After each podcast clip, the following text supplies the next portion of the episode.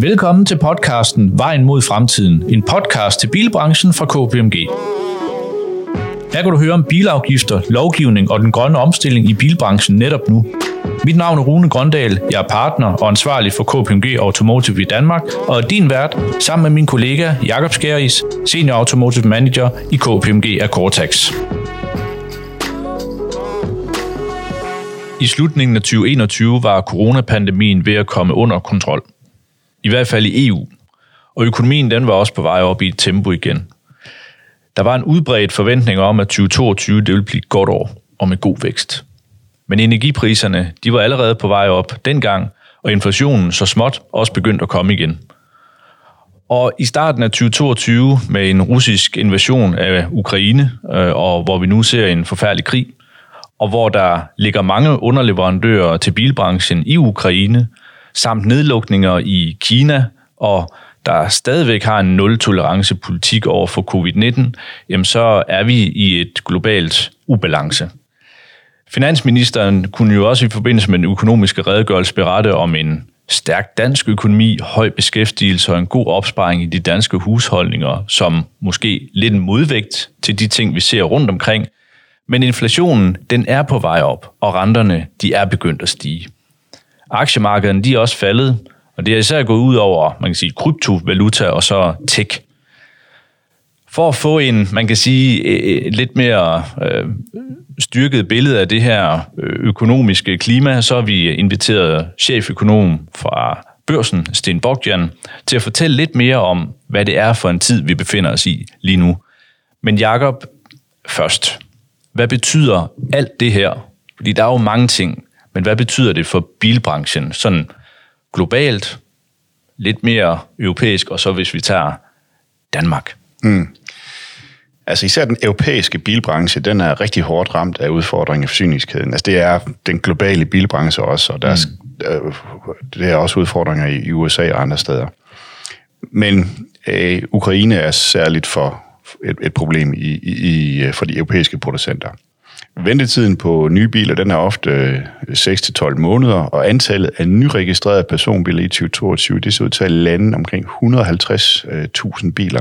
Det er to tredjedel af niveauet i 2019, og det svarer til niveauet lige efter øh, finanskrisen der i 2010. Mm. Det skal siges, at noget af det bliver kompenseret øh, ved, et højere, ved en højere import af brugte biler. Der, der bliver hentet lidt af det hjem igen, men langt fra det hele. Mm.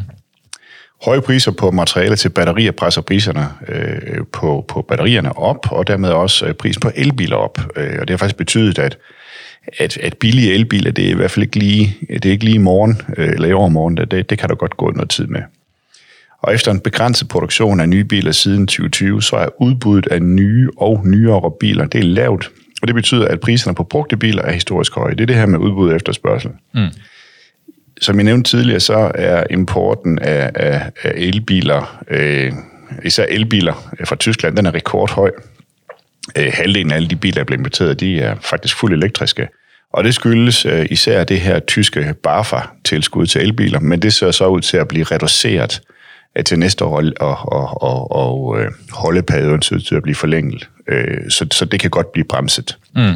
Så det er en, en, en, en, en situation for bilbranchen med udfordringer, hvor de på den ene side fakturerer nogle biler, dem de kan, og så på den anden side øh, skal forholde sig til en hel masse ubalancer og usikkerhed øh, rundt omkring. Mm. Men den her usikkerhed, Jacob, hvor, hvor, hvor, hvornår træder den i kraft? Fordi der er jo egentlig nogle gode ordrebøger lige nu. Jamen, den er der mm. lige nu som underliggende tendens. Ikke? Så på den ene side, så har man ordre liggende, og på den anden side, så kan man ikke få de biler, man skal have, og så mangler der måske noget udstyr, og, og så bliver produktionen skubbet, og, og, og der er masser af udfordringer, mm. altså øh, ja. hele vejen rundt. Yes. Lad os prøve at høre lidt mere rundt om, øh, sådan omkring de økonomiske, man kan sige, tendenser. Øhm, og øh, derfor, Sten, er det en stor fornøjelse og kan byde dig velkommen her i vores podcast. Så velkommen til dig. Tusind tak. Jeg kunne godt tænke mig, at vi startede lidt med at tale om renterne, renteniveauet. Øh, og, og, øh, og her undgår vi jo ikke også at kigge, øh, kigge lidt vest på over til øh, USA, hvor vi har den toneangivende rente. Den forventes at blive hævet seks gange, øh, og måske med en halv øh, procent per, per gang. Det, det, er jo, det er jo voldsomt, øh, reelt set. Øh, I hvert fald i nyere tid, kan man sige. Ikke? Øh, og så den europæiske rente, den, øh, jamen, den skal jo angiveligt også stige øh, her fra, fra sommer øh, 2022. Øh, og, og, og hvor meget den kommer til at stige, det kan man jo så gisne om. Det kan måske også øh, fortælle lidt om, øh, Sten.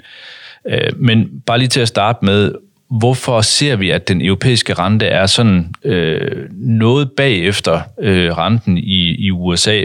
Holder vi en stigning nede i EU, øh, og hvad betyder det her for, for bilbranchen? Jeg ved godt, der var en del i det, men øh, du kan jo bare tage, tage spørgsmålet, eller elefanten op i bidder, hvis det er. Ja, øh, hvis man lige skal starte med, hvorfor stiger renterne overhovedet, og hvor er det, vi snakker om, at mm. renterne skal op, jamen, så kan man sige, så handler det jo i vid udstrækning om, at vi er kommet flyvende ud af coronakrisen øh, med meget høj vækst, med kraftigt stigende beskæftigelse i den vestlige verden, og med nogle stadig strammere arbejdsmarkeder. Og øh, man kan sige, at den, den høje vækst har været drevet af, af flere forhold, men sådan helt grundlæggende for det første, at coronakrisen ikke var en økonomisk krise, ja. og så for det andet, at man valgte at føre meget, meget, meget, meget ekspansiv økonomisk politik for at undgå, at det blev til en økonomisk krise. Og den ekspansive økonomiske politik, det har man ført både via finanspolitik, det vil sige forskellige former for eksempelvis kompensationsordninger, som vi kender til det fra Danmark, men også ved, at man har givet checks til husholdninger for at sikre, at de øh, beholdt deres købekraft. Øh, sat gang i forskellige offentlige øh, infrastrukturprojekter og andet. Øh, og man kan sige, det har man så suppleret med øh, en historisk ekspansiv pengepolitik, og pengepolitik er jo normalt ikke noget, vi snakker så meget om i Danmark, fordi vi ikke rigtig har nogen, vi er koblet op på den europæiske, men det er så at sige det, som centralbankerne gør. Den amerikanske valgte under corona at sætte renten ned til 0, og øh, supplere med støtteopkøb af forskellige former for finansielle aktiver. Den europæiske centralbank startede allerede under 0 og satte sig renten en smule ned, men øh, kunne ikke gøre så meget der med renten, men supplerede så med øh, også støtteopkøb af forskellige former for finansielle aktiver. Men nu er vi altså kommet i en situation, hvor, hvor corona, som du også indledte lidt med at sige, ligesom er lagt lidt bag os, i hvert fald rent økonomisk. Der er stadigvæk noget corona derude, men, men er lagt lidt bag os, i hvert fald i vores del af verden. Mm. Og så har vi altså høj vækst, øh, høj efterspørgsel, men øh, udbuddet af øh, varer globalt har svært ved at følge med af to, to årsager. For det første, fordi vi har øget vores vareforbrug.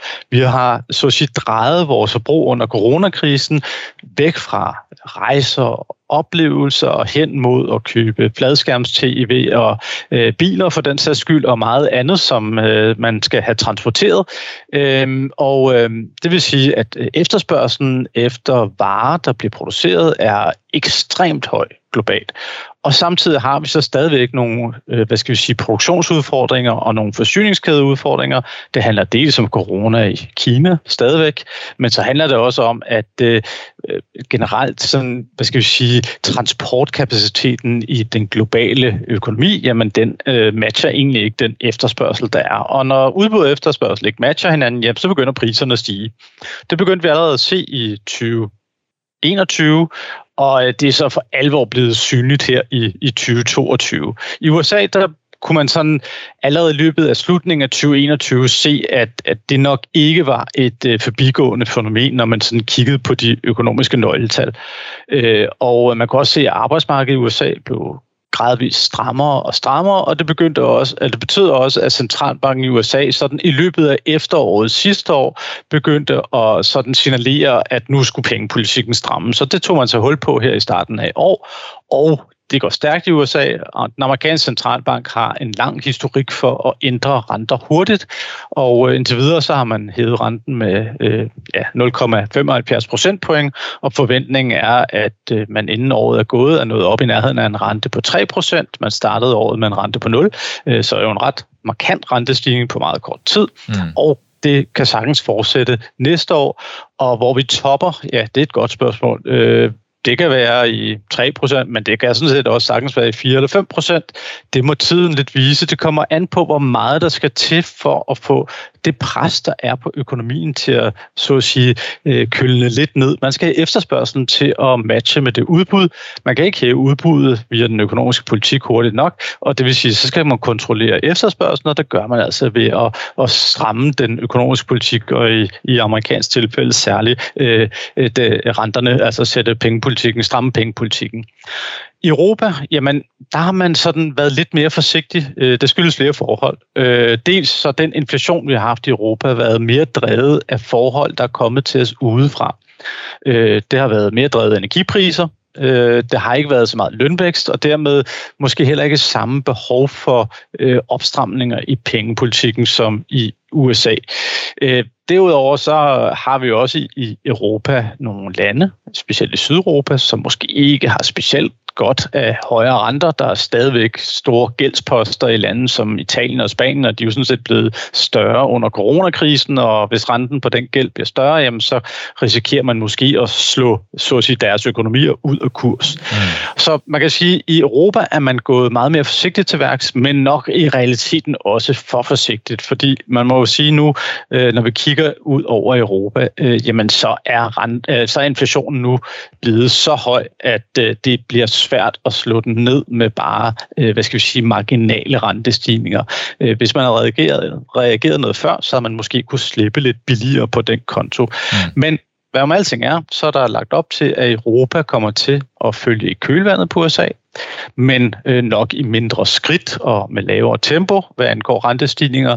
Men øh, man kan sige, at første renteforhøjelse forventes her til juli, og så forventer man sådan hen over det kommende års tid, at den europæiske rente stiger fra den nuværende rente på minus en halv til en rente på i størrelsesorden 1% måske sådan hen i, i starten af sommer og, øh, sommeren næste år. Men det kan sagtens være, at der er mere, der skal til for mm. at få inflationen under kontrol, fordi den europæiske inflation er ligesom den amerikanske inflation så høj i øjeblikket, at øh, hvis vi kigger sådan på de helt korte realrenter, altså renten korrigeret for prisstigningerne, jamen så er de jo ikke bare lave, de er vanvittigt lave og vanvittigt negative, fordi inflationen jo altså er en cirka 8%, og renteniveauet i den korte ende, ja, det ligger jo altså virkelig lavt, fordi ja. centralbankrenten er lav. Mm. Og derfor kan det godt være, at der skal ret meget til. Det må tiden lidt vise. Vi bliver jo klogere heldigvis, som tiden går, men man skal i hvert fald indstille sig på, at øh, vi godt kan komme til at stå over for ret massive rentestigninger, når vi taler centralbankrenterne. Mm. Det har har markederne så allerede taget forskud på glæderne af. Og derfor har vi jo også i Danmark en situation, hvor eksempelvis boligrenten allerede nu er mm. steget fra et niveau omkring 1%, øh, når vi taler sådan den lange 30-årige øh, boligrente, til et niveau omkring 4%. I, I dag har det et realkreditinstitut valgt at åbne for, eller har de åbnet for deres tilbudsgivning på, på, på, på 4% lån, og det vil sige, at de lange renter er allerede steget ret markant, og det vil sige, at det finansielle klima har allerede ændret sig, men det kommer til at ændre sig mere i takt med, at centralbankerne flytter de helt korte renter op, fordi det betyder selvfølgelig, at øh, når vi tæller bankrenter og den slags, og øh, variabelforrentede lån, jamen så kommer øh, renterne altså også til at stige der. Så det er et andet renteklima, end vi har vendet os til et stykke tid. Hvor længe det er svært at sige. Mm. Hvor højt, det er også svært at sige. Men man kan sige, at vi skal i hvert fald indstille os på, at øh, vi i, i en periode kommer til at skulle agere i økonomier, hvor, hvor renterne altså er noget højere end det, vi har set øh, hen over de sidste par år. Så helt lavpraktisk, så betyder det sådan lidt firkantet, at kapital bliver dyrere. Øh, og det vil sige, at skal man ud og låne penge til en bil, så bliver den dyrere. Det betyder, at øh, for leasingselskaber, der skal fonde øh, bilerne, så bliver det også dyrere øh, at rykke det op, og så dermed så priserne øh, dyrere, og alt det, det skal så faktisk trække efterspørgselen ned. Det er jo egentlig øh, målsætningen med det hele, ikke? Er det korrekt opfattet? Jo, målsætningen med det hele er i en eller anden forstand at få en, en blød landing af, af økonomierne øh, mm. i den mm. vestlige verden. Altså det vil sige trække kontrolleret noget efterspørgsel ud, så mm. efterspørgsel og udbud matcher øh, hinanden. Og ja, det betyder, at adgangen til likviditet og kapital bliver vanskeligere, og det er ikke kun i form af, at renterne bliver højere, men også bare, at øh, man jo nu stopper de her opkøbsprogrammer, og det betyder, at øh, hvor vi jo over de seneste år har set en kæmpe likviditetstilførelse til det finansielle system fra centralbankernes side, jamen så bliver det lige pludselig vendt på hovedet, og det gør altså også, at kampen om, om kapital kommer til at blive en helt anden. Altså, havde han sagt, de sidste par år har man jo næsten ikke kunne vende sig om på gaden, uden at få skubbet en milliard ned i halsen. Det er altså ikke helt, men man kan sige, at billedet er nok meget rigtigt.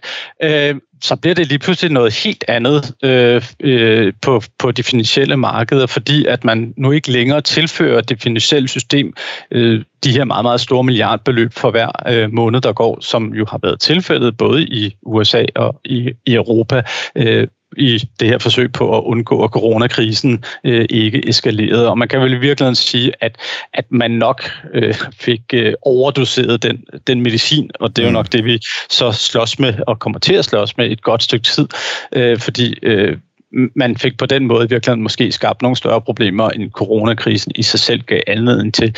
Men, mm. men det må jo være op til, øh, så at sige, historiebøgerne at afgøre, hvad, hvad der var det rigtige og hvad der var det forkerte. Men i hvert fald ingen tvivl om, at tingene ændrer sig og har, har ændret sig og kommer til at ændre sig yderligere. Mm.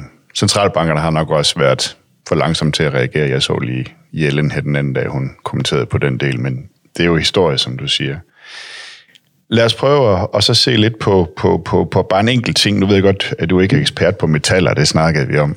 Øh, men en af de ting, vi kan se, det er jo, det er jo blandt andet øh, det, det er jo stigende energipriser, men det er altså også stigende, voldsomt stigende priser til, til øh, metaller, som skal bruges til batterier til elbiler. Det er for eksempel sådan som nikkel, hvor cirka, jeg tror det er omkring 30 procent, der kommer fra øh, Rusland.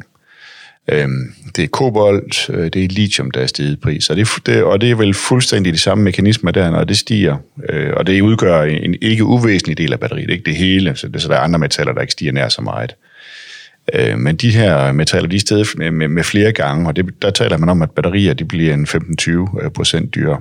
Og så er det vel fuldstændig de samme mekanismer, ikke? Altså, så bliver det dyrere, tingene skal ned, så falder efterspørgselen, ikke? Er det ikke sådan fuldstændig samme? Jo, altså man, man kan jo sige, at, at metalpriserne er jo påvirket af de helt samme globale faktorer, som havde nær sagt prisen på mælk. Øhm, altså dybest set, at øh, udbud og efterspørgsel har svært ved at matche hinanden. Og mm. når vi taler udbud, når vi taler metaller, jamen så, øh, og i øvrigt også en lang række andre råvarer, mm. jamen så er det jo, hvad skal vi sige, en udfordring, at både Rusland og Ukraine nu i en eller anden udstrækning er taget ud af verdensøkonomien. Det er jo mm. selvfølgelig ikke sådan, at, at russerne ikke kan eksportere nogen dele af deres produktion af, af råvarer, øh, fordi øh, der er lande, der stadig gerne handler med dem, men, men det er bare blevet øh, en helt anden rolle, som de her to store globale øh, spillere har fået. Og, og det er jo det lidt paradoxale ved både russisk og ukrainsk økonomi, at det jo virkelig ikke er særlig vigtige økonomier, når vi sådan kigger på den helt store bane. Det er små økonomier i global kontekst, men de har bare nogle råvarer, som verdensmarkedet er afhængig af, og øh, når de så ikke leveres, jamen så får vi jo altså nogle kraftigt øh, stigende priser. Og ja, tilpasningsmekanismen, den der den tilpasningsmekanisme, der gør, at forsyningskædeproblemerne på et eller andet tidspunkt forsvinder, og hvornår det bliver, det må tiden jo så vise. Øh, ja, det er jo i vid udstrækning, at vi stopper med at forbruge øh, lige så meget, som vi har gjort. Og det vil sige, det er jo ikke nødvendigvis en rar øh, tilpasningsmekanisme målt fra øh, eksempelvis øh, bilindustriens øh, perspektiv, øh, fordi øh, det betyder jo så, at øh, efterspørgselen efter de øh, produkter, de udbyder til forbrugerne, jamen de, den kommer nok til at være under pres, og det har vi jo så allerede mm. måske begyndt at se, men, men der kommer vi nok til at se meget mere over den kommende tid, i takt med, at øh, meget tyder på, at, at både amerikansk økonomi og, og europæisk og dansk økonomi går ind i en noget mere usikker tid. Indtil videre lever vi jo stadigvæk lidt på, hvad skal vi sige, gasserne fra, fra coronakrisen, mm. altså vi kommer ud af den med så høj fart, at, at verden ikke er faldet fra hinanden. Arbejdsmarkederne er stadig stærke øh, globalt, også i Danmark.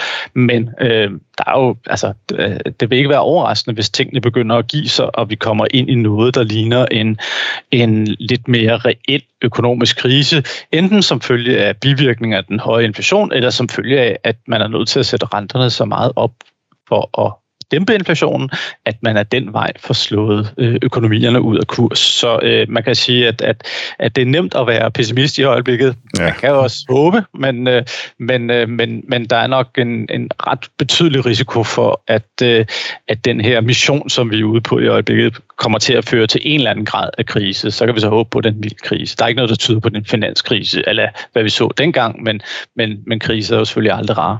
Nej.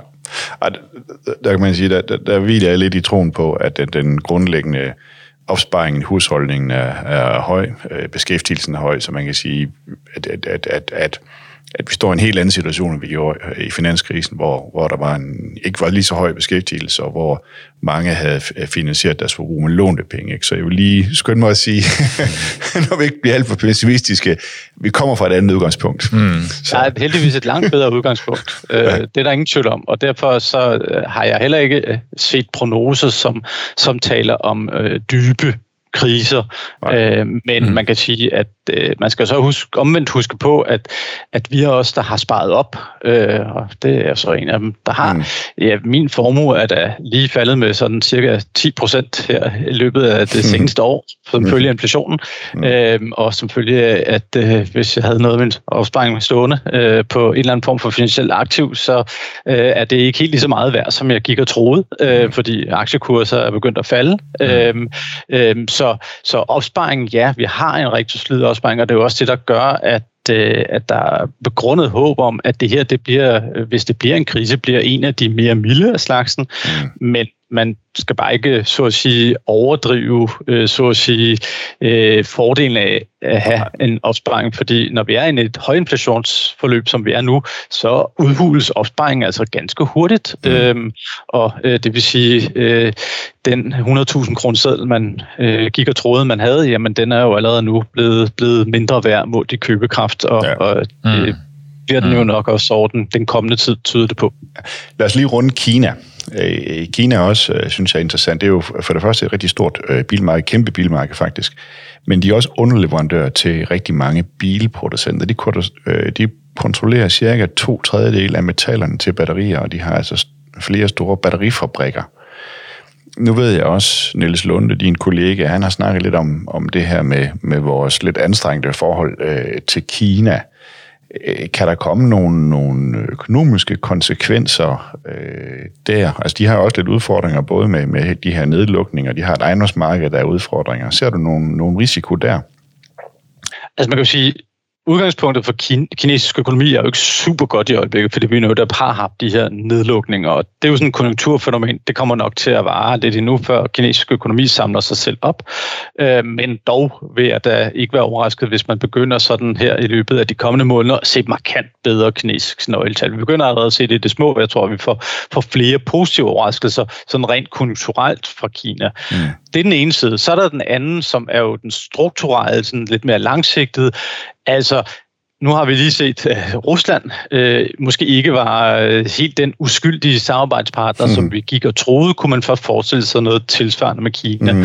Og det er jo et ualmindeligt godt spørgsmål. Øh, det kunne man jo godt. Øh, og hvor stor sandsynligheden for det er, jamen det må tiden lidt vise. Altså man kan jo sige, Kina har jo også deres nabostridigheder, Taiwan eksempelvis, øh, og, og øh, har jo også en masse interne problemer med menneskerettigheder og andet, øh, og, og hvor vi hvor, hvordan det kommer til at spille sig ud, ja, det, det er et rigtig godt bud, øh, eller det er et rigtig godt spørgsmål, men man kan sige, øh, kinesisk økonomi er jo i hvert fald øh, en helt anden betydning for den globale økonomi end russisk økonomi. Så hvis det går galt i samarbejdet mellem Kina og øh, Vesten, ja, så er det altså noget, som øh, har potentiale til en meget dybere krise end øh, selv det her med Ukraine og Rusland, som godt nok også er noget, der påvirker dele af den globale økonomi, men jo eksempelvis ikke påvirker amerikansk økonomi i noget større omfang, og, og måske heller ikke i virkeligheden påvirker Danmark i stort omfang. Meget den inflation, vi ser, var jo, var jo skabt inden.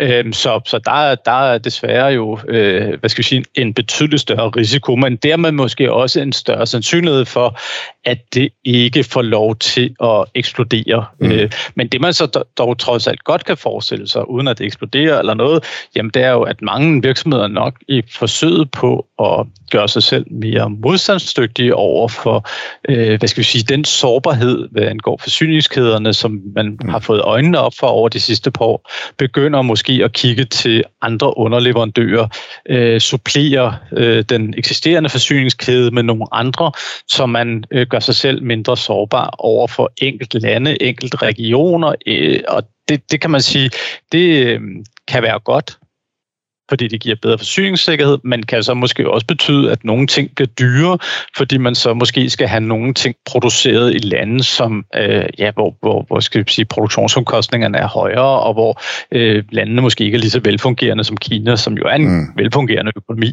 Øh, så, så der er jo også en, en, kan jo også være en ulempe ved det, men helt grundlæggende set, så, så må man håbe på, at, at, at Kina ikke falder ud af verdensøkonomien, fordi det vil mm. virkelig være noget, som, som vil gøre voldsomt ondt. Mm. Ja. Det er jo virkelig, man kan sige, det, det er jo mange store og også mange ubekendte, vi sidder og taler mm. ind i mm. her. Ikke? Ja. Og, det, og det gør det jo selvfølgelig super, super spændende. Øhm, Sten, jeg tror sådan nogenlunde, at, at, at hvad vi også sådan ser ind i, så kan vi nogenlunde godt se ind i, hvordan 2022 landskabet sådan nogenlunde bliver. Jeg tror, det, der også interesserer mange, det er sådan, måske hvis vi bare kigger ind i 2023.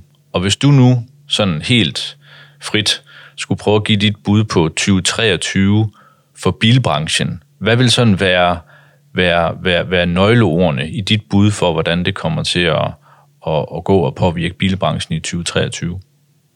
Hvis vi kigger på makroklimaet i 2023, så vil det nok være udfordrende. Det tror jeg er det, mm. det, det korte svar. Øh, og det er fordi, at, at øh, renterne vil sandsynligvis øh, enten være steget, mm. eller fortsat stigende, mm. øh, måske endda begge ting. Øh, og øh, samtidig jamen, så er inflationen nok øh, faldet. Øh, det, det, det er jo godt for købekraften, kan man sige, men mm. måske ikke helt nok til, at vi sådan for alvor øh, får gang i, øh, hvad skal vi sige, i forbrugsjulen igen. Og det vil sige, øh, jeg tror, at 2023 nok også bliver et år, hvor rigtig mange, og også øh, bilbranchen, kommer til at opleve ret store øh, udfordringer. Og så er spørgsmålet selvfølgelig, øh, når vi taler de specifikke problemer, som bilbranchen har, om de begynder at, at blive løst. Og der kan man vel godt tillade sig at håbe på, at, at sådan noget som, som coronapåvirkning trods alt er mindre i 2023, end den er her i 2022. Så, så på den konto kan man måske være en lille smule mere optimistisk.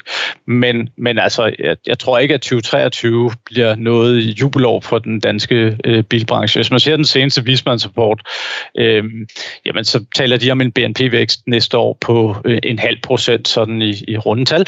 Øh, det, det er ret lavt. Mm. Øhm, mm. og, og det vil sige, øh, det, det er ikke en økonomi, der i hvert fald sprudler næste år, men, men måske trods alt vokser en smule. Det er egentlig også vismændenes vurdering, øh, og dermed heller ikke sådan et eller andet scenarie af, at øh, verden er, er ved at falde fra hinanden, men, men man, man skal bare indstille sig på, at, at mange af de dårligdomme, som vi slås med her i 2022, de kommer altså nok i en vid udstrækning til at fortsætte også ind i 2023. Den her krise bliver ikke, eller hvad vi nu skal kalde den, for vi er jo ikke en krise på den måde nu, men den her, den her usikre situation tror jeg ikke, vi får lagt i graven lige med det samme, fordi det er nogle ret store ubalancer, der skal mm. genoprettes, ja. før vi kan sige, at vi er ude på den anden side. Mm. mm. Virkelig uh, mm. Mm. nuanceret, god, god, uh, god, god indsigt, uh, vil jeg sige, Sten. Uh, og um, Jakob, uh, hvis du lige og vi lige skulle øh, samle op, hvad vil så sådan de tre vigtigste ting, øh, du har hæftet dig ved vores snak her, hvad, hvad er det? Jamen, øh, det vigtigste ting, det er, at, at, øh, de her ubalancer, det er, er, det er noget, øh, som kommer til at, at, at påvirke et stykke ud i fremtiden, og, og også altså, ind i 2023, som måske skal vi kigge i, i 2024 eller 2025, før der egentlig kommer, der, kommer øh, en bedre balancer. Ja. Øhm, øhm, jeg ved, at flere bilproducenter de har øh, fokus på at ændre deres forsyningslinjer og, og, og få bedre styr på, på, på deres, øh, deres leverandører og få dem fordelt forskellige steder hen. Mm. Øhm, så, så der er lidt bedre bedring på udbudssiden, plus at man også skal huske på, at, at, at som det er lige nu, så er der mange, der har ordrebøger liggende 9-12 måneder, så man siger, man leverer ting, men, men det, så det er den ene ting, det er, at, at, at de her ting, de bliver, de bliver trukket lidt ud. Øhm, den anden ting, det er også, at, at udbuddet skal ned. Vi skal ned i gear. Vi, vi, vi skal simpelthen have bremset, øh, eller ikke udbuddet, undskyld, efterspørgselen skal mm, ned. Mm. Vi skal bremse lidt op. Mm. Og, og det er jo en del af det her øh, med udbud efterspørgsel, og, og vi skal bremse. Så vi er nødt til at acceptere, at vi skal, vi skal tage ned i gear. Mm.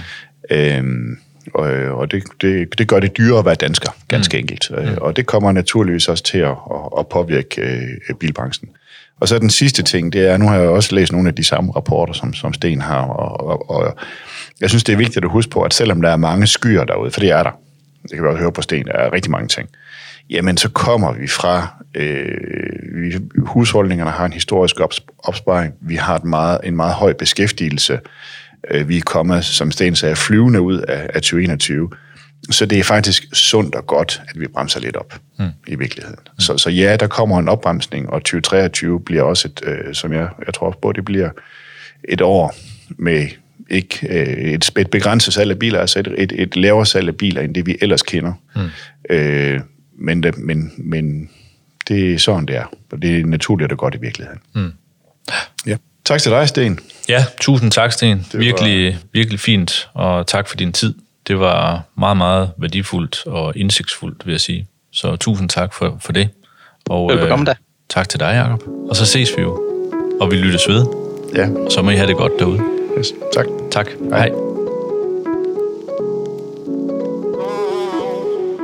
Tak fordi du lyttede til podcasten Vejen mod fremtiden fra KPMG. Podcasten udkommer hver måned, og du kan læse mere på kpmg.dk. Vi lyttes ved.